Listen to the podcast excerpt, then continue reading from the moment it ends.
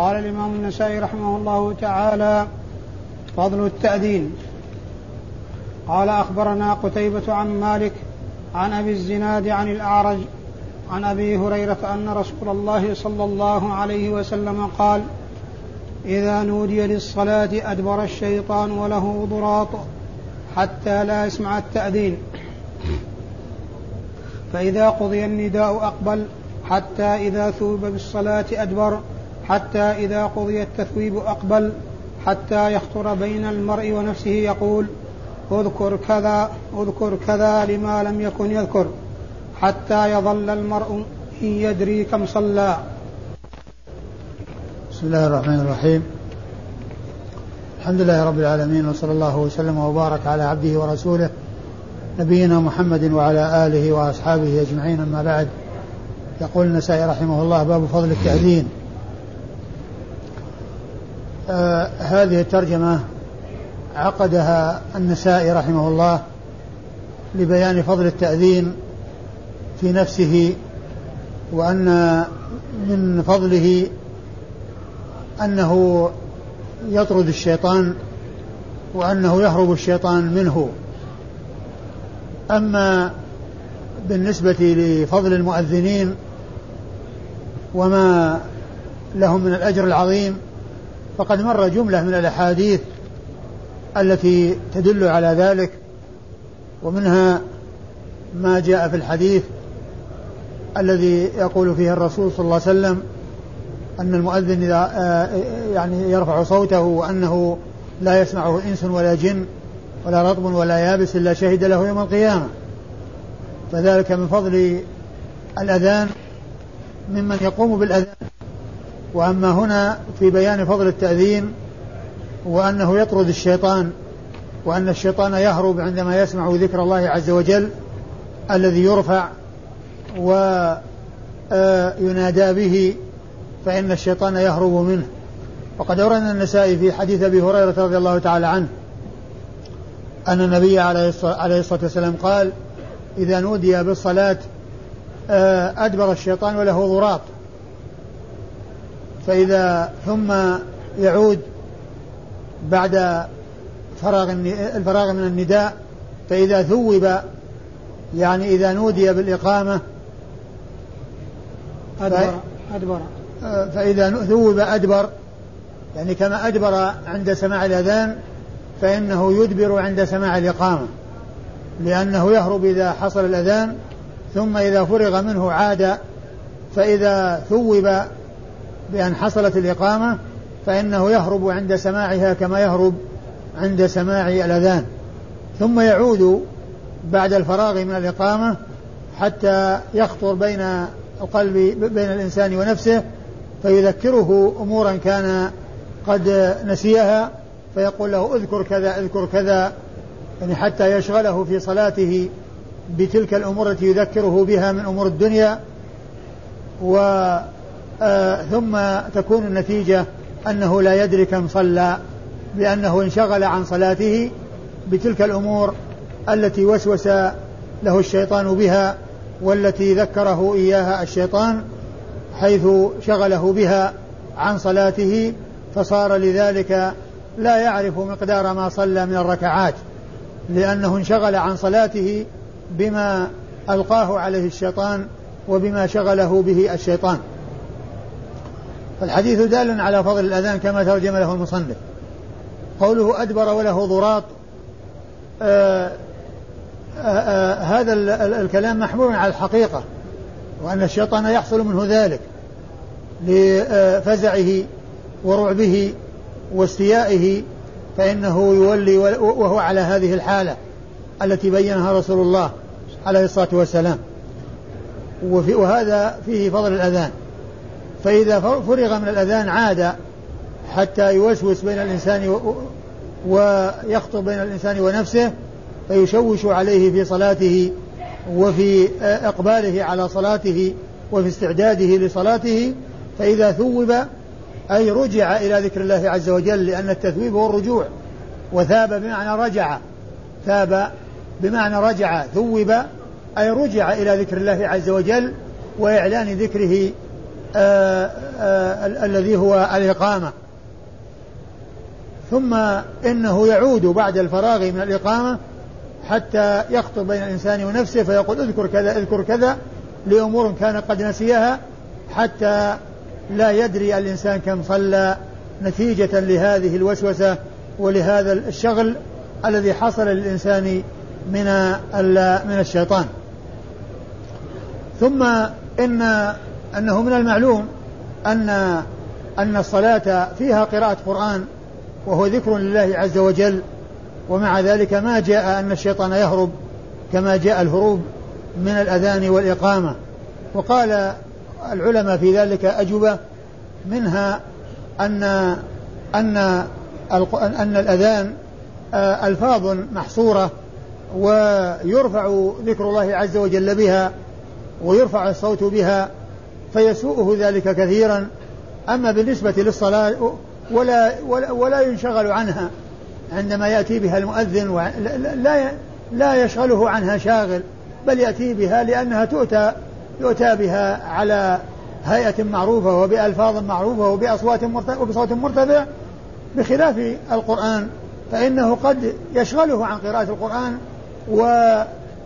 وينسيه ما هو فيه ويشغله عن القراءة بالأمور التي يشغله بها التي يشغله بها لأنه يتمكن ويستطيع أن يتمكن من شغل الإنسان عن قراءة القرآن. لكنه ما يشغل عن الأذان ولا يشغل عن الإقامة لأنها ألفاظ محصورة. ألفاظ محصورة ويؤتى بها برفع صوت والإنسان مقبل عليها ما ينشغل عنها بشيء آخر. بخلاف الصلاة ومنها قراءة القرآن فإنه قد ينشغل. حتى ينسيه قراءة القرآن ويصرفه عن قراءة القرآن بالأمور التي يفكر بها والأمور التي يشتغل بها. فهذا هو الفرق بين بين الأذان والإقامة التي يحصل الهروب وبين آه، الصلاة التي هي مشتملة على قراءة ومشتملة على ذكر آه، ومع ذلك يأتي الإنسان ويوسوس ويأتي الشيطان ويوسوس. فالمقصود من ذلك أن الفرق أن القراءة يمكن الصرف عنها صرف الشيطان يمكن يعني يمكن الشيطان أن يصرف عنها المصلي بأن يذكره ما يشغله عنها وأما الأذان فإنه لا يشغله عنه ولا يصرفه عنه لأنه ألفاظ محصورة وألفاظ معدودة يأتي بها بصوت مرتفع ثم ينتهي منها. آه، أما إسناد الحديث فيقول النسائي أخبرنا قتيبة. وقتيبة هو ابن سعيد بن جميل ابن طريف البغلاني ثقة ثبت خرج حديثه أصحاب الكتب الستة وهو من شيوخ النسائي الذين أكثر عنهم. بل هو أول شيخ روى عنه النسائي في سننه لأن أول حديث في سنن النسائي آه هو من روايته عن شيخه قتيبة بن سعيد هذا. وقتيبة هذا اسمه من الألفاظ المفردة التي لم يتعدد التسمية بها لم تتعدد لأنه ليس في الكتب الستة من يسمى قتيبة سواه فهو من الأسماء المفردة التي لم لم يتكرر أو لم يتعدد أو تتعدد التسمية بها بأن يكون الذي يسمى بها عدد لا ليس ليس الذي يسمى بها عدد وإنما الذي يسمى بها شخص واحد في الكتب الستة وهو قتيبة بن سعيد. قتيبة بن سعيد بن جميل بن طريف البغلاني. وأسماء أجداده أبي أبوه وأجداده هي على وزن فعيل. قتيبة بن سعيد بن جميل بن طريف كلها على وزن فعيل. أبوه وأبو أبيه وجد, وجد أبيه. سعيد جميل طريف كلها على وزن فعيل. آه عن مالك ومالك هو ابن أنس إمام دار الهجرة هذه المدينة المباركة. هو من العلماء المشهورين فيها في عصر أتباع التابعين. و ويمكن أن يقال في عصر التابعين لأن مالك أدرك زمنه زمن صغار الصحابة. فإذا كان لقي أحدا منهم فإنه يعتبر من صغار التابعين. فإنه يعتبر من صغار التابعين. وهو إمام مشهور وصاحب المذهب المعروف أحد المذاهب الأربعة. وقد ذكرت فيما مضى أن المذاهب الأربعة آه، أن أصحاب المذاهب الأربعة هناك أناس أناس مثلهم في العلم وعلو المنزلة قبل زمانهم وفي زمانهم وبعد زمانهم. ولكن ما حصل لهؤلاء العلماء مثل ما حصل لهؤلاء الأربعة من وجود أتباع يعنون بفقههم وجمعه وترتيبه وتنظيمه والعناية به ما حصل لغيرهم مثل ما حصل لهم فلهذا اشتهرت هذه المذاهب الأربعة وهي مذاهب أهل السنة والجماعة. آآ آآ وحديث الإمام مالك أخرجه أصحاب الكتب الستة. حديث الإمام مالك أخرجه أصحاب الكتب الستة. عن أبي الزناد عن أبي الزناد؟ نعم. عن أبي الزناد وأبو الزناد هو عبد الله بن ذكوان. أبو الزناد هو عبد الله بن ذكوان. وهو وهو ثقة أخرج حديثه أصحاب الكتب الستة. يروي عن الأعرج. والأعرج لقب صاحب اللقب عبد الرحمن بن هرمز. وهو مشهور بلقبه ويأتي أحيانا باسمه ونسبته فيقال عبد الرحمن بن هرمز. ومعرفة ألقاب المحدثين آه، هي من أنواع علوم الحديث وفائدتها حتى لا يظن الشخص الواحد شخصين فيما لو ذكر مرة بلقبه ومرة باسمه فإن من لا يعرف أن الأعرج لقب لعبد الرحمن بن هرمز يظن أن الأعرج شخص وأن عبد الرحمن بن هرمز شخص آخر. أما إذا عرف فإنه لا يلتبس عليه.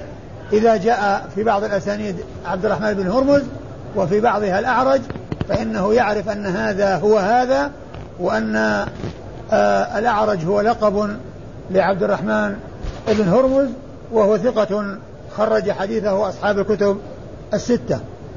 يروي عن أبي هريرة عبد الرحمن بن صخر صاحب رسول الله عليه الصلاة والسلام وأكثر الصحابة حديثا على الإطلاق وهو أكثر السبعة الذين عرفوا بكثرة الحديث عن رسول الله صلى الله عليه وسلم والذين قال فيهم السيوطي في ألفيته والمكثرون في رواية الأثر أبو هريرة يليه بن عمر وأنس والبحر أي ابن عباس كالخدري وجابر وزوجة النبي يعني عائشة رضي الله تعالى عنها وأرضاها. فهؤلاء السبعة من أصحاب رسول الله صلى الله عليه وسلم هم أكثر الصحابة حديثا وأكثر هؤلاء السبعة أبو هريرة عبد الرحمن بن صخر رضي الله تعالى عنه وأرضاه. وهؤلاء الخمسة الذين هم رجال الإسناد قتيبة بن سعيد ومالك آه، بن أنس وأبو الزناد عبد الله بن ذكوان وعبد الرحمن بن هرمز الأعرج وأبو هريرة. هؤلاء الخمسة الذين هم رجال الإسناد آه، أخرج أو آه، حديثهم أخرجه أصحاب الكتب الستة. كل هؤلاء الخمسة حديثهم عند أصحاب الكتب الستة. الاستهام على التأذين. قال أخبرنا قتيبة عن مالك عن سمي عن أبي صالح عن أبي هريرة رضي الله تعالى عنه أن رسول الله صلى الله عليه وسلم قال لو يعلم الناس ما في النداء والصف الأول ثم لم يجدوا إلا أن يستهموا عليه لاستهموا عليه ولو يعلمون ما في التهجير لاستبقوا إليه ولو علموا ما في العتمة والصبح لأتوهما ولو حبوا ثم ورد النسائي هذه الترجمة وهي الاستهام على الأذان. يعني الاقتراع. الاستهام هو الاقتراع يعني على القرعة حتى يميز من يكون الأحق ومن يكون الأولى. يعني لشدة التنافس والحرص على التأذين والتنافس فيه آه، يكون الفاصل والمميز لهم هو القرعة. يقول الرسول الكريم صلى الله عليه وسلم لا يعلم الناس ما في النداء. والصف الأول الصف الأول. لو يعلم الناس لو يعلم الناس ما في النداء والصف الأول. نعم. لو يعلم الناس ما في النداء والصف الأول ثم لم يجدوا إلا أن يستهموا عليه لاستهموا عليه. يعني لو يعلمون ما في النداء اللي هو الأذان. والصف الأول الذي هو أول الصفوف. لو يعلمون ما فيها من الأجر لا تنافسوا وتسابقوا حتى لا يميز بينهم إلا بالقرعة. حتى لا يميز بينهم إلا بالقرعة. كل يقول أنا أنا المستحق ولا يعني يتنازل عن حقه فيكون الفاصل بينهم القرعة. وهذا يبين لنا فضل التأمين وعظم شأن التأمين وأن هذا من دال على فضله. إذا كان الرسول صلى الله عليه وسلم يقول لا يعلم الناس ما في النداء والصف الأول ثم لم يجدوا إلا أن يستهموا. يعني لم يجدوا آه، شيئا يميز بينهم ويقدم بعضهم على بعض إلا الاستهام الذي هو الاقتراع بأن يعملوا قرعة ومن ظهرت له القرعة يكون هو المؤذن ومن ظهرت له القرعة يكون هو الذي يكون في الصف الأول. هذا فيه بيان فضل الصف الأول وفضل التأذين. وأن وأنهم لو يعلمون ما فيه من الأجر لكان التنافس والتسابق بينهم بحيث لا يميز بعضهم على بعض ويقدم بعضهم على بعض إلى القرعة. وهذا هو محل الشاهد من إيراد الحديث في الباب. ثم لم يجدوا إلا أن يستهموا عليه لاستهموا عليه. والاستهام هو والاستهام هو الاقتراع. وهذا من الأدلة الدالة على يعني مشروعية القرعة. قد جاء فيها أحاديث منها هذا الحديث. قد جاء في مشروعية القرعة أحاديث وجاء ذكرها في القرآن في قصة آه قصة آه مريم أيهم يكفل مريم آه وجاءت أيضا في آه قصة يونس فساهم فكان من المدحضين. يعني عمل القرعة على من يرمى في البحر فوقعت القرعة عليه فرمي في البحر فابتلعه الحوت. فجاء ذكرها في القرآن وجاء ذكرها في السنة في مواضع منها هذا الموضع الذي معنا. ثم لم يجدوا إلا أن يستهموا عليه لاستهموا عليه. فهو دال على مشروعية القرعة ثم أيضا قوله ولو يعلمون ما في التهجير لاستبقوا إليه. التهجير هو التبكير. التهجير هو التبكير إلى الصلوات. قيل إنها صلاة الظهر وقيل مطلقة التهجير هو التبكير. لو يعلمون يعني ما فيه من الأجر لاستبقوا إليه. يعني لكانوا آه، يتنافسون في آه، آه، الوصول إلى المسجد مبكرا. ثم قال ولا يعلم الناس ما في العتمة والصبح؟ لأتوهما ولو حبوا. العتمة هي العشاء. يعني لو يعلمون ما فيهما من الأجر لأتوهما أي أتوا إلى المساجد ليصلوا ليصلوهما ولي وليأتوا بهاتين الصلاتين. اللتين هما صلاة العشاء وصلاة الفجر. ولا يعلم الناس ما في العتمة والصبح. لأتوهما أي لأتوا إلى المسجد لأدائهما ولو حبوا على الركب. يحبون على ركبهم آه، لوجود المانع والعائق الذي يعوق ويحول بينهم وبين ذلك من شدة المرض فإنهم يكون هذا حالهم. لو يعلمون ما فيه ما فيه من أجر. وقد جاء في في الحديث آآ آآ آآ يعني من حديث أبي هريرة من طريق أخرى أنه قال والذين أدخلوا الصلاه على المنافقين صلاة العشاء وصلاة الفجر ولا يعلمون ما فيه من الاجر لاتوهما ولو حبوا أدخلوا الصلاة على المنافقين صلاة العشاء وصلاة الفجر ولا يعلمون ما فيهما من الاجر لاتوهما ولو حبوا وهنا يقول صلى الله عليه وسلم ولا يعلم الناس ما في العتمة والصبح. لأتوهما أي لأتوا إلى المسجد لأدائهما ولو حبوا على رك... على ركبهم. وكلمة ولو حبوا وكلمة ولو حبوا حبوا هذه خبر خبر لكان واسمها. يعني كان واسمها قد حذف وبقي الخبر. آه كان اسم آه ولو كان إتيانه إتيانهم إليهما حبوا على ركبهم.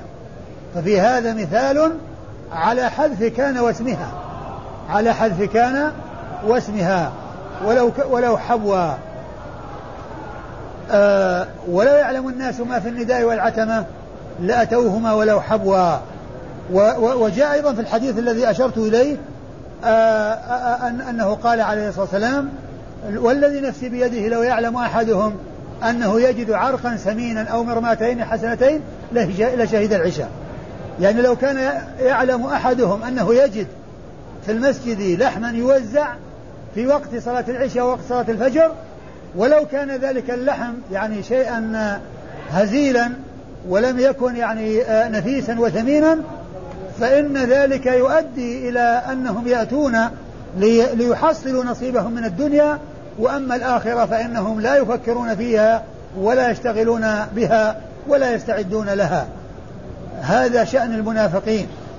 وعلى عكس ذلك ما كان عليه أصحاب رسول الله عليه الصلاة والسلام ورضي الله تعالى عنهم وأرضاهم كما جاء عن عبد الله بن مسعود رضي الله تعالى عنه أنه قال إن آه، من سره أن يلقى الله غدا مؤمنا فليحافظ على هؤلاء الصلوات الخمس حيث ينادى لهن فإن الله شرع لنبيكم سنن الهدى وإنهن من سنن الهدى. ولقد كان الرجل آه، يؤتى, آه، يؤتى به يهادى بين الرجلين حتى يقام في الصف. يعني من شدة المرض لا يستطيع أن يمشي على رجليه ولكنه يأتي بمن آه، معه يسنده على يمينه ويسنده على شماله يمسك بعضده اليمنى وعضده اليسرى حتى يأتي إلى المسجد ويقام في الصف من شدة المرض. أصحاب رسول الله صلى الله عليه وسلم رضي الله عنهم وأرضاهم لما كانوا يعلمون الفضل ويعلمون الأجر كانوا يبادرون ويأتون مع شدة المرض. أما المنافقون فإنهم يتخلفون ولا يعلمون أن هناك لحما يوزع في المسجد ولو كان ذلك اللحم يسيرا وتافها لأتوا لأن همهم الدنيا وليس همهم الآخرة. وأصحاب رسول الله صلى الله عليه وسلم همهم الآخرة ولهذا يعلمون ما فيها من الأجر ويأتي الواحد منهم يهادى بين الرجلين. فهذا الحديث يدلنا على عظم على على فضل التأمين فضل التأذين وعلى فضل الصف الأول ويدلنا على فضل التبكير إلى المساجد ويدلنا أيضا على آه على فضل آه آه على أن المنافقين من من من علامة آه، آه، آه، خسرانهم وأنهم لا, لا يعلمون الأجر الذي أعده الله تعالى لمن يصلي العشاء والفجر فلهذا يتخلفون عنها. و وإنما خصت العشاء والفجر دون بقية الصلوات لأن العشاء تكون في أول الليل والفجر تكون في آخر الليل ومن المعلوم أن الإنسان أو أن الناس عندما يكدحون في النهار لتحصيل الرزق وللأعمال فإنه في أعمالهم فإنه إذا جاء الليل فإنهم يبادرون إلى النوم فيأتي وقت العشاء وقد ناموا وقد ناموا عنها وقد كان عليه الصلاة والسلام يكره النوم قبلها والحديث بعدها وذلك لأن ذلك يؤدي إلى تفويتها فهي تأتي في أول الليل في الوقت الذي الناس بحاجة إلى النوم وأما صلاة الفجر تأتي في آخر الليل في الوقت الذي يكون الناس تلذذوا بالنوم وطاب لهم الفراش ف آه، آه، هذا شأن الذين لا يعلمون الأجر ولا آه، تهمهم الآخرة وإنما تهمهم الدنيا والعياذ بالله. أما إسناد الحديث فيقول النسائي أخبرنا قتيبة عن مالك. أخبرنا قتيبة عن مالك وقد مر ذكرهما. عن سمي. عن سمي وهو مولى أبي بكر بن عبد الرحمن بن الحارث بن هشام. وهو ثقة خرج حديثه وأصحاب الكتب الستة. وأبو بكر بن عبد الرحمن بن الحارث بن هشام هو أحد الفقهاء السبعة على أحد الأقوال في السابع آه، في السابع منهم نعم. عن أبي صالح. عن أبي صالح وهو ذكوان السمان. أبو صالح ذكوان السمان. وهو ثقة خرج حديثه وأصحاب الكتب الستة. عن أبي هريرة وقد مر ذكره في الإسناد الذي قبل هذا. نعم. اتخاذ المؤذن الذي لا يأخذ على أذانه أجرا. قال أخبرنا أحمد بن سليمان. قال حدثنا عفان. قال حدثنا حماد بن سلمة. قال حدثنا سعيد سعيد الجريري عن أبي العلاء عن مطرف عن عثمان بن العاص. أنه قال قلت يا رسول الله اجعلني إمام قومي. فقال أنت إمامهم واقتد بأضعفهم واتخذ مؤذنا لا يأخذ على أذانه أجرا. ثم أورد النسائي هذه اتخاذ المؤذن اتخاذ المؤذن الذي لا يأخذ على أذانه اتخاذ المؤذن الذي لا يأخذ على أذانه أجرا. يعني اختيار المؤذن الذي لا يأخذ على أذانه أجرا. هذه الترجمة. وقد أورد النسائي فيها حديث عثمان بن أبي العاص رضي الله تعالى عنه أن النبي أنه طلب من النبي, صلى الله عليه وسلم يجعله إمام قومه. فقال أنت إمامهم واتخذ مؤذنا لا يأخذ على أذانه واقتدي بأضعفهم. واقتدي بأضعفهم يعني في الإمامة عندما يصلي بالناس يعني آه، آه، يلاحظ آه، الضعيف بحيث لا يشق عليه ولا يطيل الصلاة طالة تشق على من كان ضعيفا وإنما يلاحظ جانب الأضعف فيكون هو الذي يحسب حسابه في الصلاة من حيث الإطالة والتقصير فلا يطيلها إطالة تشق على من كان ضعيفا أو تضر من كان ضعيفا. وهذا مثل يعني يماثله ما جاء في كلامه صلى الله عليه وسلم مع معاذ حيث قال أفتان أنت يا معاذ؟ عندما شكاه بعض بعض الصحابة الذين قالوا إنه أطال في صلاته فقال أفتان أنت يا معاذ؟ وهنا قال واقتدي بأضعفهم يعني في إطالتك القراءة وإطالتك الصلاة اعتبر الضعيف هو الذي يقاس عليه المقدار فلا ينظر إلى القوي بل ينظر إلى الضعيف ويراعى جانب الضعيف ولا يراعى جانب القوي. واتخذ مؤذنا لا يأخذ على أذانه أجرا وهذا هو محل الشاهد. واتخذ مؤذنا لا يأخذ على أذانه أجرا. والعلماء اختلفوا في اتخاذ في أخذ الأجرة على الأذان. فمنهم من أجاز ذلك واعتبره مثل ما جاء في أخذ الأجرة على الرقية من اللدغة في قصة اللديغ الذي الذي رقاه واحد منهم وأعطوه قطيعا من الغنم. ولما أخبر الرسول صلى الله عليه وسلم قال إن حق ما أخذتم عليه أجرا كتاب الله إن حق ما أخذتم عليه أجرا كتاب الله فقالوا هذا منه قالوا هذا منه. ومن العلماء من منع ذلك وقال إن هذا من قبيل القرب التي آه، يكون الباعث عليها الإخلاص ولا يكون الباعث عليها الدنيا. قالوا فيمنع الأجر ولكن يجوز أن يؤخذ الجعل وهو ما يجعل من أوقاف وما يجعل من تبرعات وما يجعل من آه، يعني أعطيات ومنح تخصص لمن يقوم بهذه المهمة فإن هذا جعل يعطاه من يتولى هذه الإمامة من يتولى هذا العمل ومن آه، يستعد للتهيؤ آه، يهيئ نفسه لهذا العمل. قال والذين قالوا بأخذ الأجرة على الأذان قالوا إن هذا على سبيل الندب. يعني وليس على سبيل التحريم. يعني بحيث إنه يعني لا يتخذ إلا من آه، لا يتخذ اجرا وأنه لا يجوز غيره لا. قالوا إن هذا هو الأولى. الأولى في الذي في الأذان الذي ياخذ لا يأخذ على أذانه أجرا. أما آه كونه يأخذ فإن ذلك سائغ. ومن المعلوم أن كون الإنسان يلاحظ الإخلاص ويكون الباعث له على ذلك هو رجاء الأجر والثواب من الله عز وجل الذي أعده الله تعالى للمؤذنين ولكنه إذا وضع شيء وخصص شيء من بيت المال أو من أوقاف توقف لمن يقوم بهذه المهمة فإنه فإن أخذه إياها لا بأس به ولا مانع منه. آه الحديث. قال أخبرنا أحمد بن سليمان.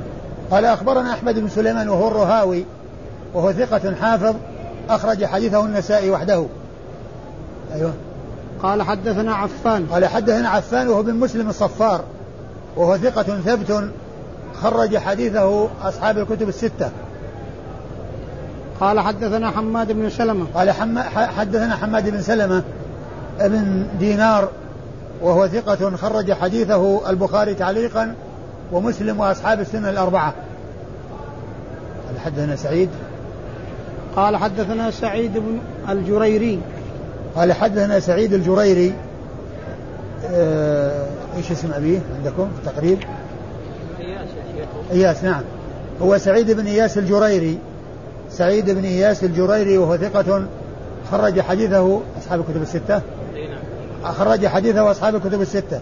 سعيد بن إياس الجريري نعم عن أبي العلاء عن أبي العلاء عن أبي العلاء وهو يزيد بن عبد الله أخو مطرف الذي يروي عنه مطرف بن يزيد بن عبد الله بن الشخير يزيد بن عبد الله بن الشخير أخو مطرف بن عبد الله بن الشخير الذي يروي عنه في هذا الإسناد وهو مشهور بكنيته أبو العلاء فهو يروي عن أخيه مطرف آه ابن عبد الله بن الشخير وهو ثقة خرج حديثه أصحاب الكتب ها؟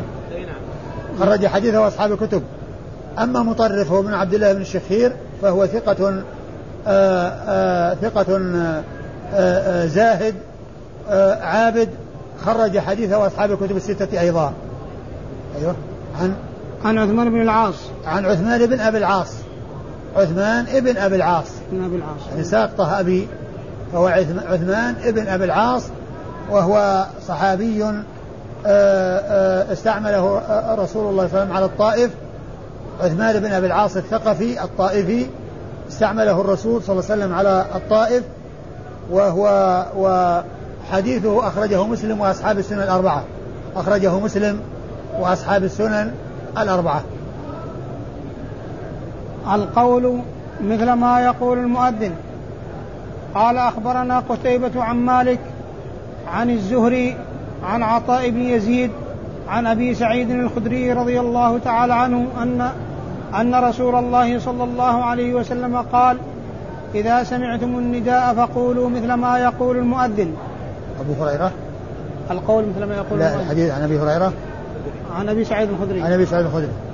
القول كما يقول المؤذن يعني مشروعية القول مثل ما يقول المؤذن آه والمقصود من ذلك أن من يسمع النداء يقول مثل ما يقول ولكن يستثنى من ذلك.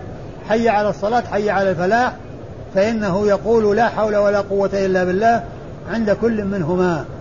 أما ما عدا ذلك فإنه يقول كما يقول المؤذن.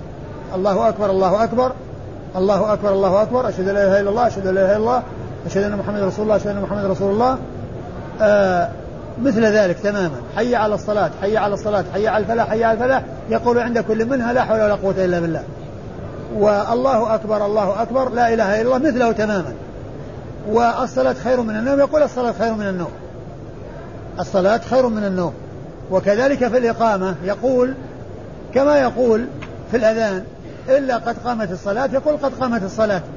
يقول كما يقول المؤذن قد قامت الصلاة. القول كما يقول المؤذن يعني معناه أن من يسمع النداء يقول مثل قوله ويستثنى من ذلك حي على الصلاة حي على الفلاح فإنه يقول لا حول ولا قوة إلا بالله. فهو عام مراد به الخصوص. يعني هذا الذي يعني يقول القول مثل ما يقول يعني عام يراد به الخصوص ليس جميع ألفاظ الأذان لأنه لا يقول لا حول ولا قوة إلا لأنه لا يقول حي على الصلاة لأن حي على الصلاة هي نداء والإنسان لا ينادي بل المؤذن هو الذي ينادي. وأما الباقي فهو ذكر لله عز وجل ذكر الله عز وجل وبيان يعني آه شيء آه آه آه آه يمكن الإتيان به. أما حي على الصلاة حي على الفلاح فيقولها. المؤذن ينادي الناس. وقد أورد النسائي في حديث أبي سعيد الخدري رضي الله عنه إذا سمعتم النداء فقولوا مثل ما يقول المؤذن. إذا سمع إذا سمع إذا سمعتم النداء فقولوا مثل ما يقول المؤذن. إذا سمعتم النداء فقولوا مثل ما يقول المؤذن. والنداء هنا يشمل الأذان والإقامة. يشمل الأذان والإقامة فإن الإقامة يقال فيها مثل ما يقال. في الأذان لأن العموم يشملها. إذا سمعتم النداء فقولوا مثل ما يقول المؤذن. يستثنى من ذلك كما قلنا لا حول حي على الصلاة حي الفلاح فيقال لا حول ولا قوة إلا بالله. والإسناد؟ أخبرنا قتيبة عن إيه. مالك. أخبرنا قتيبة عن مالك وقد مر ذكرهما. عن الزهري. عن الزهري وهو محمد بن مسلم ابن عبيد الله بن عبد الله بن شهاب ابن عبد الله بن الحارث بن زهرة بن ابن ابن كلاب. يلتقي نسبه مع نسب الرسول صلى الله عليه وسلم بكلاب. وزهرة أخو قصي. زهرة بن كلاب أخو قصي بن كلاب. وهو ينسب إلى جده زهرة فيقال الزهري. وينسب إلى جده شهاب فيقال ابن شهاب. وهو محدث فقيه مكثر من رواية الحديث عن رسول الله صلى الله عليه وسلم.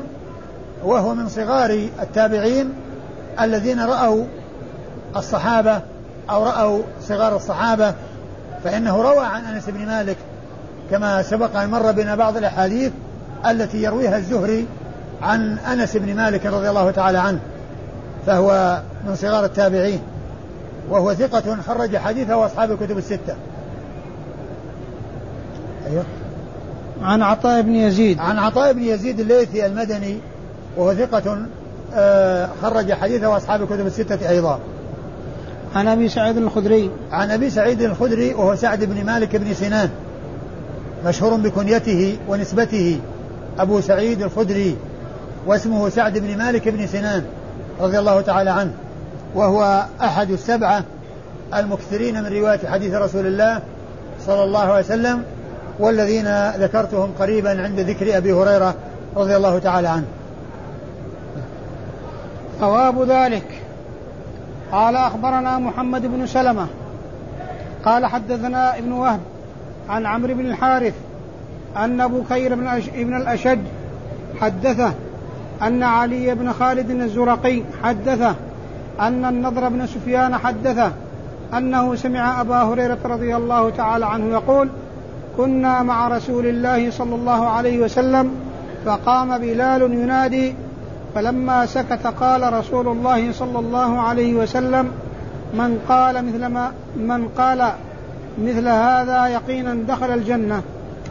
ثم أورد النسائي ثواب ذلك يعني ثواب القول مثل ما يقول المؤذن لأن ذلك يرجع إلى الترجمة السابقة وهي القول كما يقول المؤذن. ثواب ثواب القول كما يقول المؤذن آه هذه الترجمة. ثواب ذلك أي ثواب القول كما يقول المؤذن أو ثواب القول مثل ما يقول المؤذن.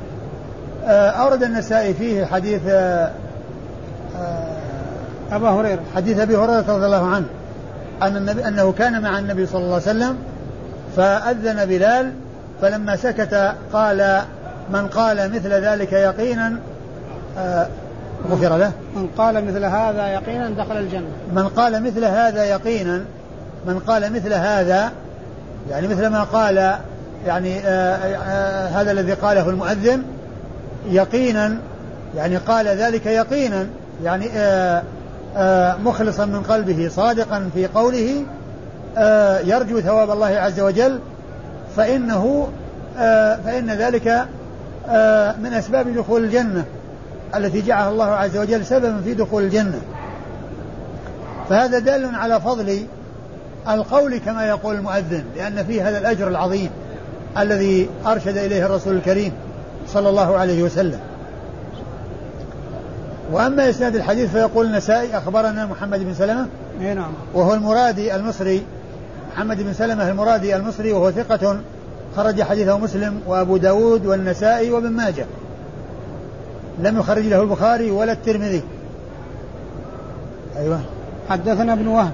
حدثنا ابن وهب وهو عبد الله بن وهب المصري. عبد الله بن وهب المصري وهو ثقة خرج حديثه أصحاب الكتب الستة. عن عمرو بن الحارث. عن عمرو بن الحارث وهو المصري وهو ثقة خرج حديثه أصحاب الكتب الستة أيضا. أن بكير بن الأشج. أن بكير بن الأشج وهو بكير بن عبد الله ابن الأشج وهو ثقة خرج حديثه أصحاب الكتب الستة أيضا. أن حدثه أن علي بن خالد الزرقي حدثه.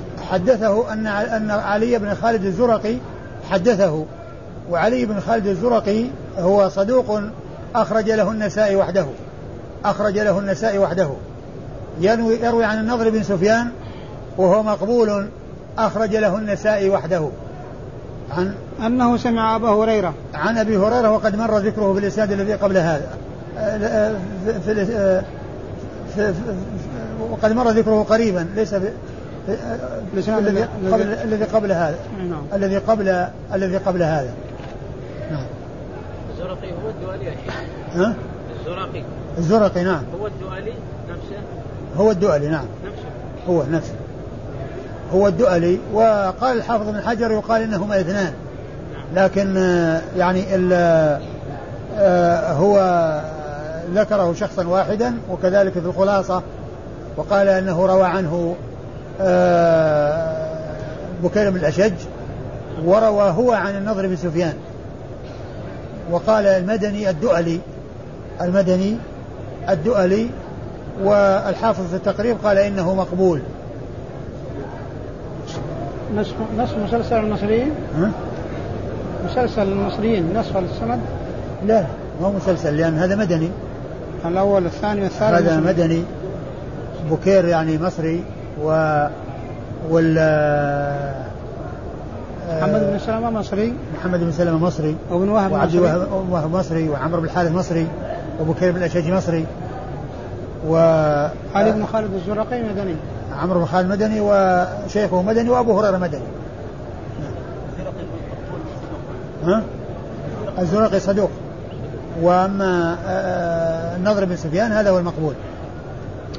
ال- والزرقي هو بضم الزاي عندكم مفتوحة الزاي. الزرقي وهي. وهي خطأ بل هي الزرقي بضم الزاي. وهي, وهي نسبة إلى جماعة من الأنصار. سنده يكون للمقبول. آه، المقبول آه، هو الذي آه، يحتاج إلى اعتضاد. ومن المعلوم أنه جاء أحاديث يعني تدل على على على فضل الأذان وعلى فضل يعني فيكون من قبيل ال- الثابت. القول مثل ما يتشهد المؤذن. قال أخبرنا سويد بن نصر قال أخبرنا عبد الله بن المبارك عن مجمع بن يحيى الأنصاري قال كنت جالسا عند أبي أمامة بن سار بن حنيف رضي الله تعالى عنه فأذن المؤذن فقال الله أكبر الله أكبر. فكبر اثنتين فقال أشهد أن لا إله إلا الله فتشهد اثنتين. فقال أشهد أن محمدا رسول الله فتشهد اثنتين. ثم قال حدثني هذا معاوية بن أبي ثم قال حدثني هكذا معاوية بن أبي سفيان عن قول رسول الله صلى الله عليه وسلم. ثم قال النسائي باب إيش؟ التشهد. القول مثل ما يتشهد الم- المؤذن. إيش؟ القول مثل ما يتشهد المؤذن. القول مثل ما يتشهد المؤذن يعني أن من يسمع المؤذن يتشهد كما يتشهد المؤذن بأن يقول مثل ما يقول. وهذه تعتبر يعني جزء من الترجمة السابقة لأن الترجمة السابقة عامة. يقول مثل ما يقول المؤذن والمؤذن يقول أشهد أن لا إله إلا الله فيقول أشهد أن لا إله إلا الله ويقول أشهد أن محمد رسول الله فيقول أشهد أن محمد رسول الله. فيقول أشهد أن محمد رسول الله. آه وقد أورد النسائي في حديث معاوية بن أبي سفيان رضي الله تعالى عنه أنه آه أنه آه لما قال المؤذن أشهد أن لا إله إلا الله أشهد أن لا إله إلا الله تشهد. قال قال مثل ذلك مرتين. إيش اللفظ؟ إيش لفظه؟ قال إيش؟ عن ابي أمامة بن إيه. سهل بن حنيف فقال, أذن المؤذن فقال الله أكبر. الله أكبر. مم. فكبر اثنتين. فكبر اثنتين. المقصود يعني كبر اثنتين. أنه آه يعني هذا الذي قاله قاله مرتين. يعني حتى يعني يكون موافق لما جاء من ألفاظ الأذان بأنها أربع. أربع قبل الشهادتين. فقول الله أكبر الله أكبر كبر اثنتين يعني قال ذلك مرتين. الله أكبر الله أكبر الله أكبر الله أكبر. يعني قال ذلك مرتين. فعلى هذا يكون اربعه وعلى هذا يتفق ما جاء في الروايات الأخرى أن المؤذن يقول في, في أول الأذان الله أكبر الله أكبر الله أكبر الله أكبر. في ف ف يعني تربيع الأذان تربيع الأذان في الأول يعني آه إذا كان مرتين فسر لأنه قال الله أكبر الله أكبر وكررها مرتين معناه أنه ربع ربع الأذان. فصار مطابق للروايات الأخرى. أيوه. إيش؟ فقال أشهد أن لا إله إلا الله فتشهد اثنتين. قال أشهد أن لا إله إلا الله فتشهد اثنتين. يعني معناه أنه قال مثل ما قال المؤذن وهذا هو محل الشاهد. هذا هو محل الشاهد من الحديث. آه ثم آه قال إنه يرويه عن عن أبي عن معاوية ومعاوية يحدث بذلك عن رسول الله إيش قال في الآخر؟ هكذا هكذا معاوية بن أبي قال حدثني هكذا معاوية بن أبي سفيان عن رسول الله صلى نعم. الله عليه وسلم. عن رسول الله صلى الله عليه وسلم. وهذا هو الذي يدل على أنه مرفوع. لأن معاوية حدث بذلك عن رسول الله صلى الله عليه وسلم وقد مر ذكرهم في الإسناد الذي قبل هذا. قال أخبر القول الذي يقال إذا قال المؤذن حي على الصلاة حي على الفلاح.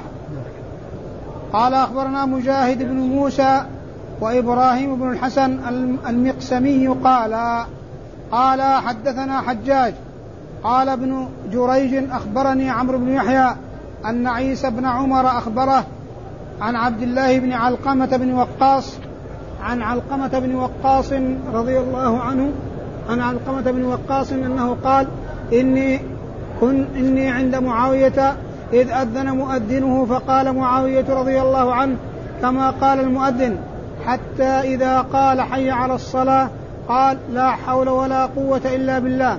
فلما قال حي على الفلاح قال لا حول ولا قوة إلا بالله. فقال بعد ذلك ما قال المؤذن؟ ثم قال سمعت رسول الله صلى الله عليه وسلم يقول مثل ذلك.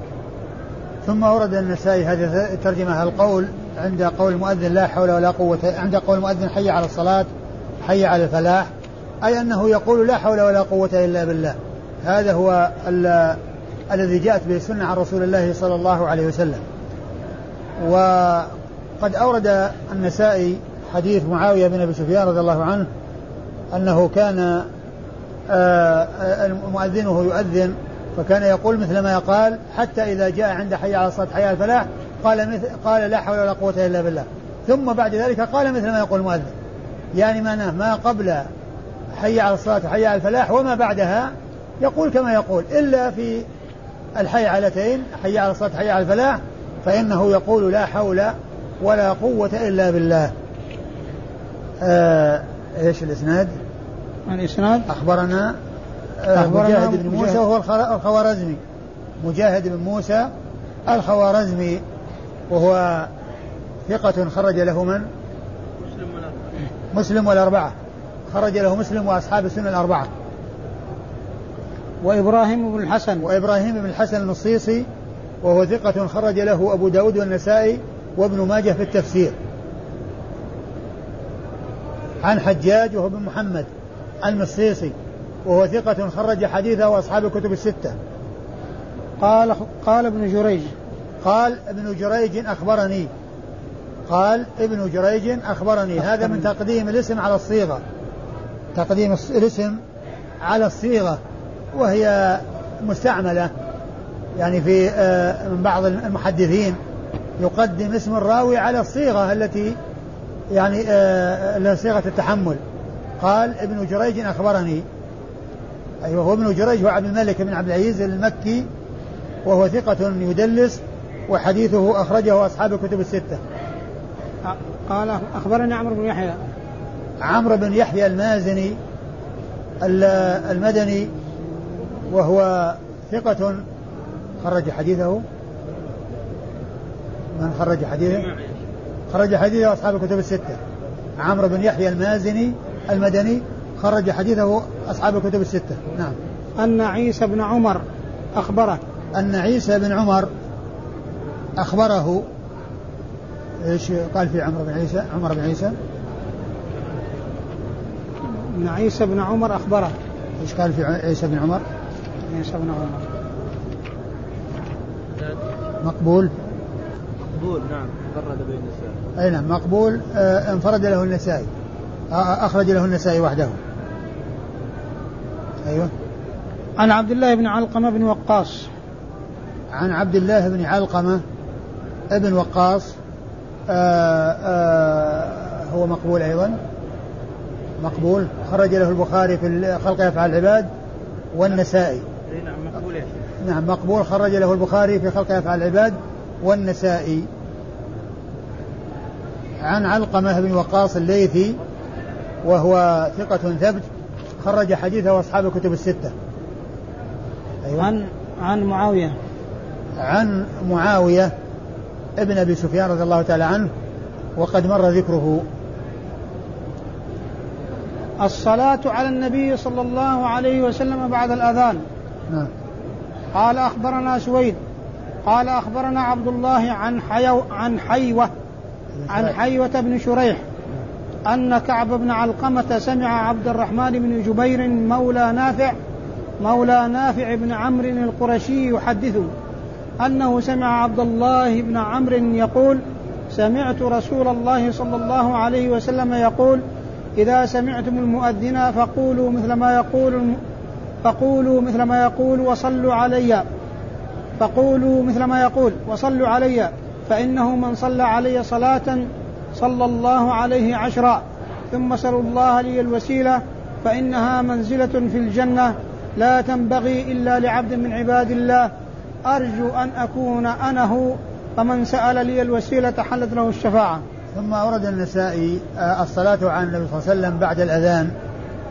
وقد أورد النسائي في حديث عبد الله بن عمرو بن العاص رضي الله تعالى عنه أنه قال إذا سمعتم عن النبي صلى الله عليه وسلم أنه قال إذا سمعتم النداء فقولوا مثل ما يقول المؤذن ثم صلوا علي فإنه من صلى علي صلى الله عليه بها عشرا ثم سلوا لي الوسيلة فإنها منزلة في الجنة لا تنبغي إلا لعبد وأرجو أن, أنا أن أكون أنا هو وإن من سأل الله لي الوسيلة حلت له شفاعتي حلت له شفاعتي يوم القيامة ولا بس شفاعتي؟ حلت له الشفاعة. حلت له الشفاعة. الحديث دال على ما ترجم له من آه، الصلاة أو الأمر بالصلاة أو مشروعية الصلاة على النبي صلى الله عليه وسلم بعد الأذان.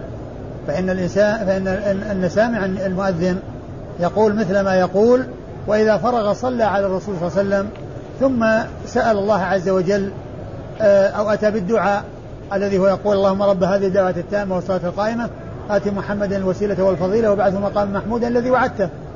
فإن هذا الحديث مشتمل على سؤال الوسيلة للرسول صلى الله عليه وسلم والوسيلة منزلة في الجنة لا تنبغي إلا لعبد من عباد الله عز وجل ويرجو الرسول صلى الله عليه وسلم أن يكون ذلك العبد الذي لا تنبغي تلك المنزلة إلا له.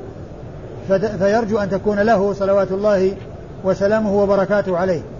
ففيه آه، مشروعية آه، القول كما يقول المؤذن ومشروعية أن يصلى على الرسول صلى الله عليه وسلم بعد الأذان ومشروعية أن يسأل الله أن تسأل الوسيلة من الله عز وجل للرسول صلى الله عليه وسلم وذلك بالدعاء بالدعاء المشهور اللهم رب هذه الدعوة التامة والصلاة القائمة آت محمد الوسيلة والفضيلة وابعثه مقاما محمودا الذي وعدته.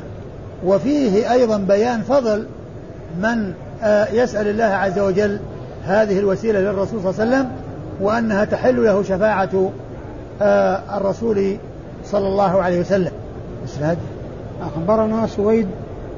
أخبرنا سويد بن نصر عن عبد الله وابن المبارك وقد مر ذكرهما. عن حيوة بن شريح. عن حيوة بن شريح المصري وهو ثقة خرج حديثه وأصحاب الكتب الستة. أن كعب بن علقمة أن كعب بن علقمة أيوه سمع عبد الرحمن بن جبير آه مولانا كعب بن علقمة وش قال فيه؟ كعب بن علقمة صدوق يعني. صدوق؟ نعم صدوق؟ كعب بن علقمة صدوق أيوه من خرج له؟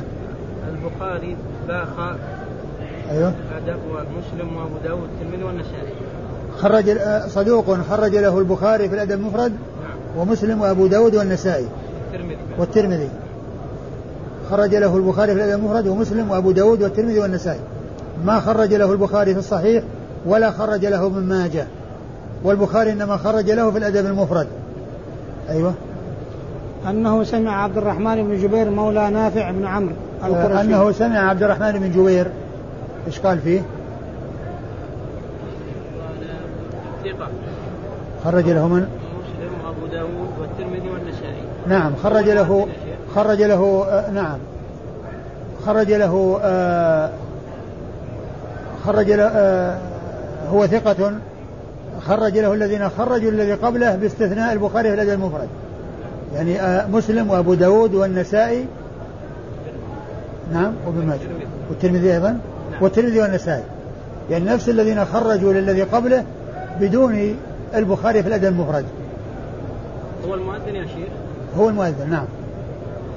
أنه سمع عبد الله بن عمرو يقول.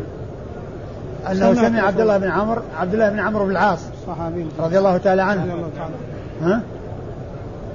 إيش؟ مولى نافع بن عمرو القرشي. مولى نافع بن عمرو آه، تعريف بالشخص اللي اللي تقدم هذا ليس من رجال يعني هذا وصف. آه عن عبد الله بن عمرو بن العاص رضي الله تعالى عنهما الصحابي ابن الصحابي. آه آه أحد العبادلة الأربعة في الصحابة وهم عبد الله بن عمرو بن العاص وعبد الله بن عمر بن الخطاب وعبد الله بن الزبير بن العوام وعبد الله بن عباس رضي الله تعالى عنهم.